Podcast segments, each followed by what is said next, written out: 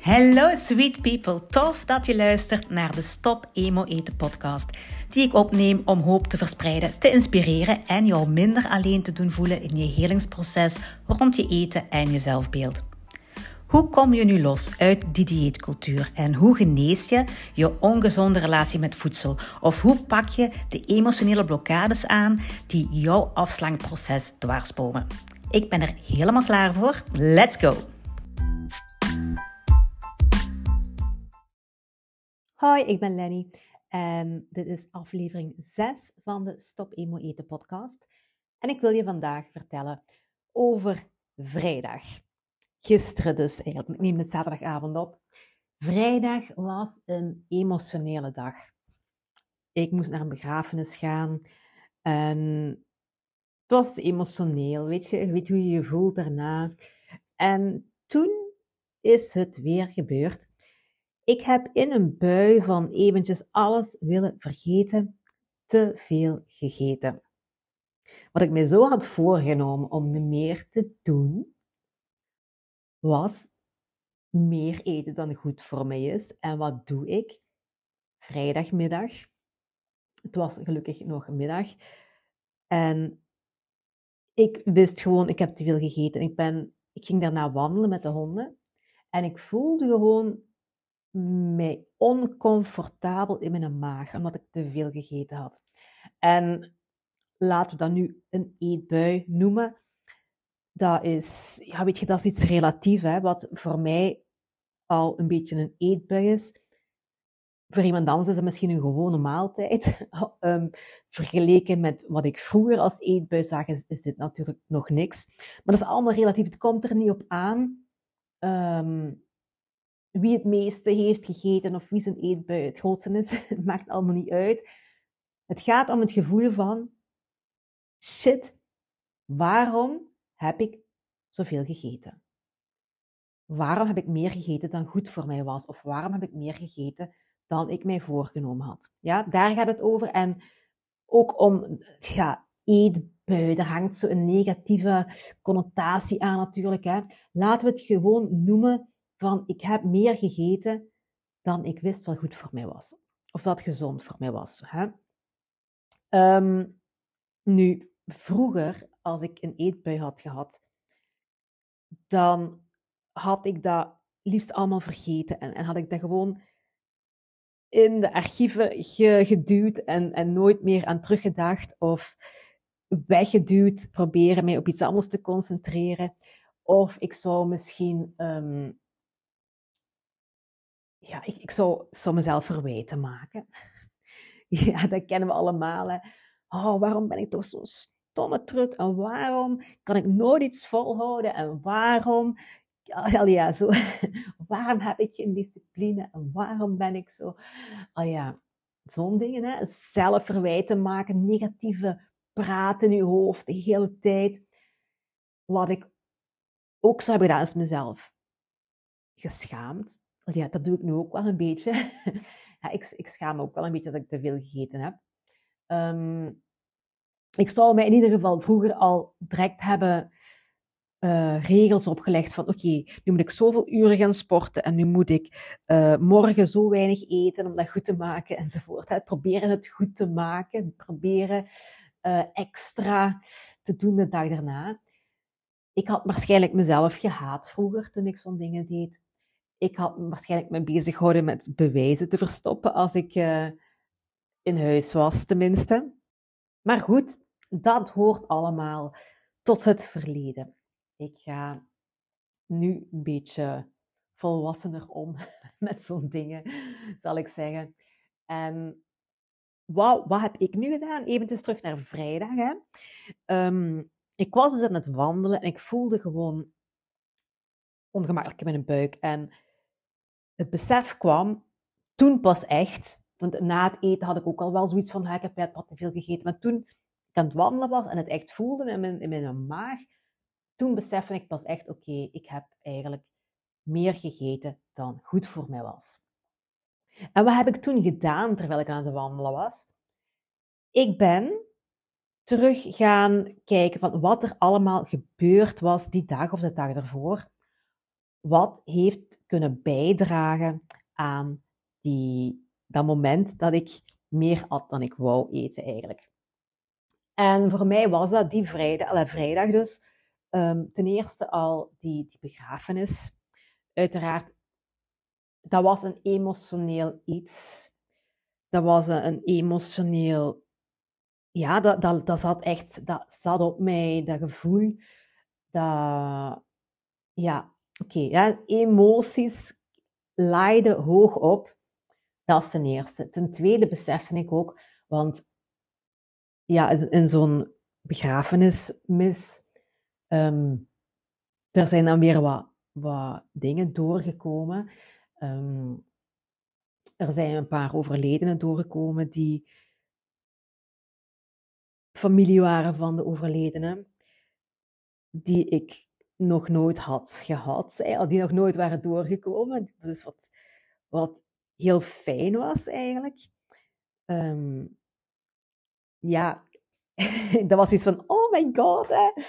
die is, is hier geweest en die heeft mij daar en daar gezegd. En ik ben dan ergens heel excited en ik wil dat met mensen delen. En dan besef ik, oei, tegen wie kan ik dat nu zeggen? Oh ja, ik kan dit tegen niemand niet zeggen. En ik zou zo graag aan anderen vertellen van, ja, die en dat en zus en zo. Maar dat, ja, dat gaat niet. Dan heb ik altijd een gevoel, een, een, een heel eenzaam gevoel.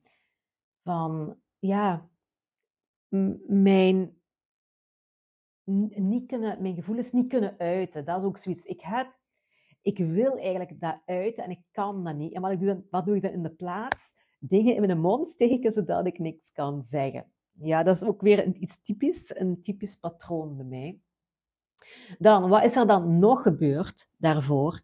Ik had ochtends ontbeten met mijn shake. En meestal krijg ik zo na, om rond 10 uur terug honger. En dan neem ik meestal nog, nog iets om te eten. En nu moest ik mij opeens heel erg haasten voor naar die begrafenis te gaan. Ik had, uh, ik had gewerkt, ik had, ik had proberen zoveel mogelijk gedaan te krijgen, want ik wist van daarna ga ik mij weer zo en zo voelen. En het was uh, Black Friday en ik had heel veel te doen, dus ik had heel hard gewerkt uh, daarvoor. En ik had toen gewoon nog gauw een shake gemaakt om in de auto te drinken op weg naar die begrafenis. Omdat ik echt zo'n grote honger had. Nu, wat, wat was het wat is het probleem daarmee? daarmee? Mijn, mijn honger was fysiek wel gestild voor, voor dat uurtje dat ik weg was. Maar ik had niet het gevoel van een maaltijd gehad te hebben. Emotioneel had ik niet het gevoel van, ik heb neergezeten, ik heb tijd gemaakt voor mezelf en voor te eten. En dat is iets wat ertoe bijdroeg dat ik mijn maaltijd een uur of anderhalf uur of, of twee uur later extra lang heb gemaakt. Dus dat is dus de, de derde. De derde, we hadden eerst emotioneel, het eenzaam voelen, het honger hebben en niet, niet goed stilgezeten te hebben voor een maaltijd te nemen. En dan de avond daarvoor had ik uh, moeten werken. Ik had, ik had uh, twee uur les gegeven. Daarna um, alleen maar mijn rebuild shake gedronken. Ik probeer s'avonds voor het slapen zo weinig mogelijk te eten, maar na het sporten eet ik nog wel dus een shake. Maar ik heb die nacht ook honger gehad. Ik heb echt s'nachts wakker geworden van de honger. En dan had ik eigenlijk een groter ontbijt moeten nemen. Maar ik was zo druk met mijn werk bezig dat ik niet tijd genomen had. Dat ik geen tijd had genomen om te eten.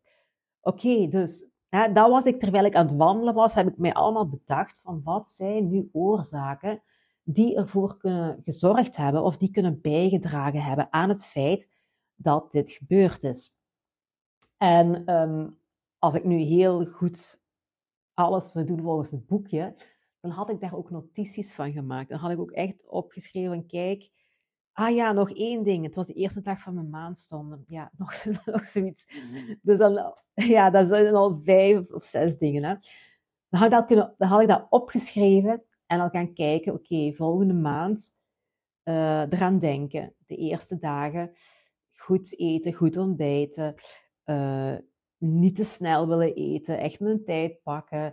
Als ik een emotionele dag heb, ook extra alert zijn om niet uh, niet te overeten. Um, Zo'n dingen. Dus vooruitkijken om te weten waar en wanneer, in welke situatie ik extra alert moet zijn op mezelf, omdat ik weet, in dat moment van die emotie, denk je niet na.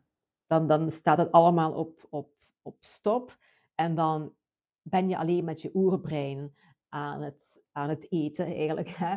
Dus dat is dus een betere techniek dan de techniek die ik vroeger had van oké, let's forget about this.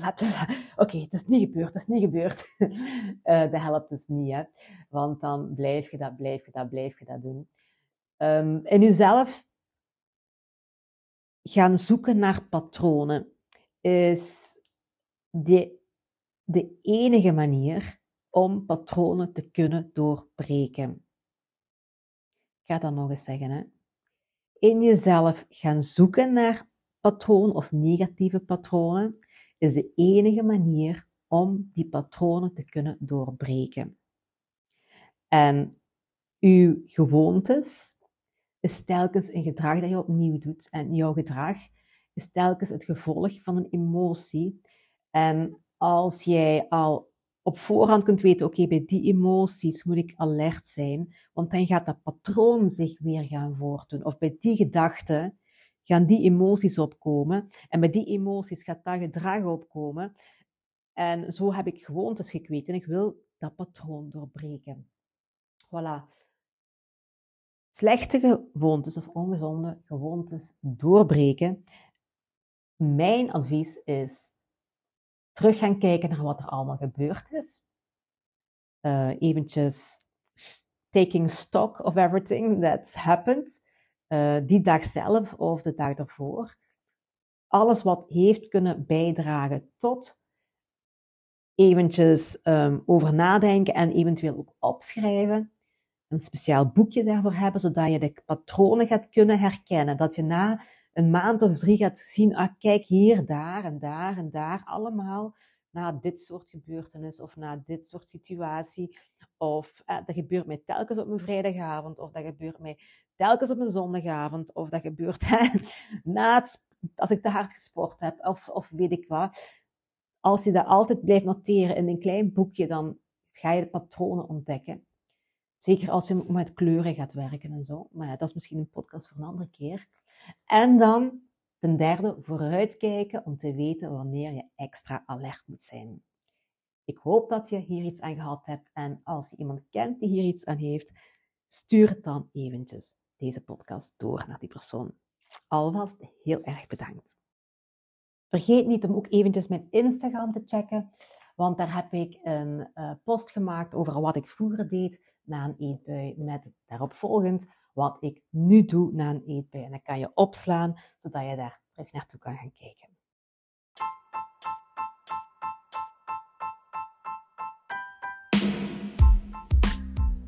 Sweeties, dankjewel voor het luisteren.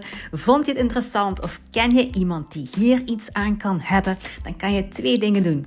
Maak een screenshot Tag me op Instagram en zo kan jij iets betekenen voor anderen. En ik vind het ook gewoon heel leuk om te weten wie er luistert. En Eén dingetje nog. Ik hou deze podcast gratis om zoveel mogelijk vrouwen te kunnen bereiken en te helpen. En jij kan dan ook nog één dingetje voor mij doen. En dat is naar iTunes gaan. Zoek de podcast en laat een korte review achter. Uh, want hoe meer reviews, hoe makkelijker de podcast te vinden is voor anderen. Alvast thank you, thank you, thank you. En tot de volgende.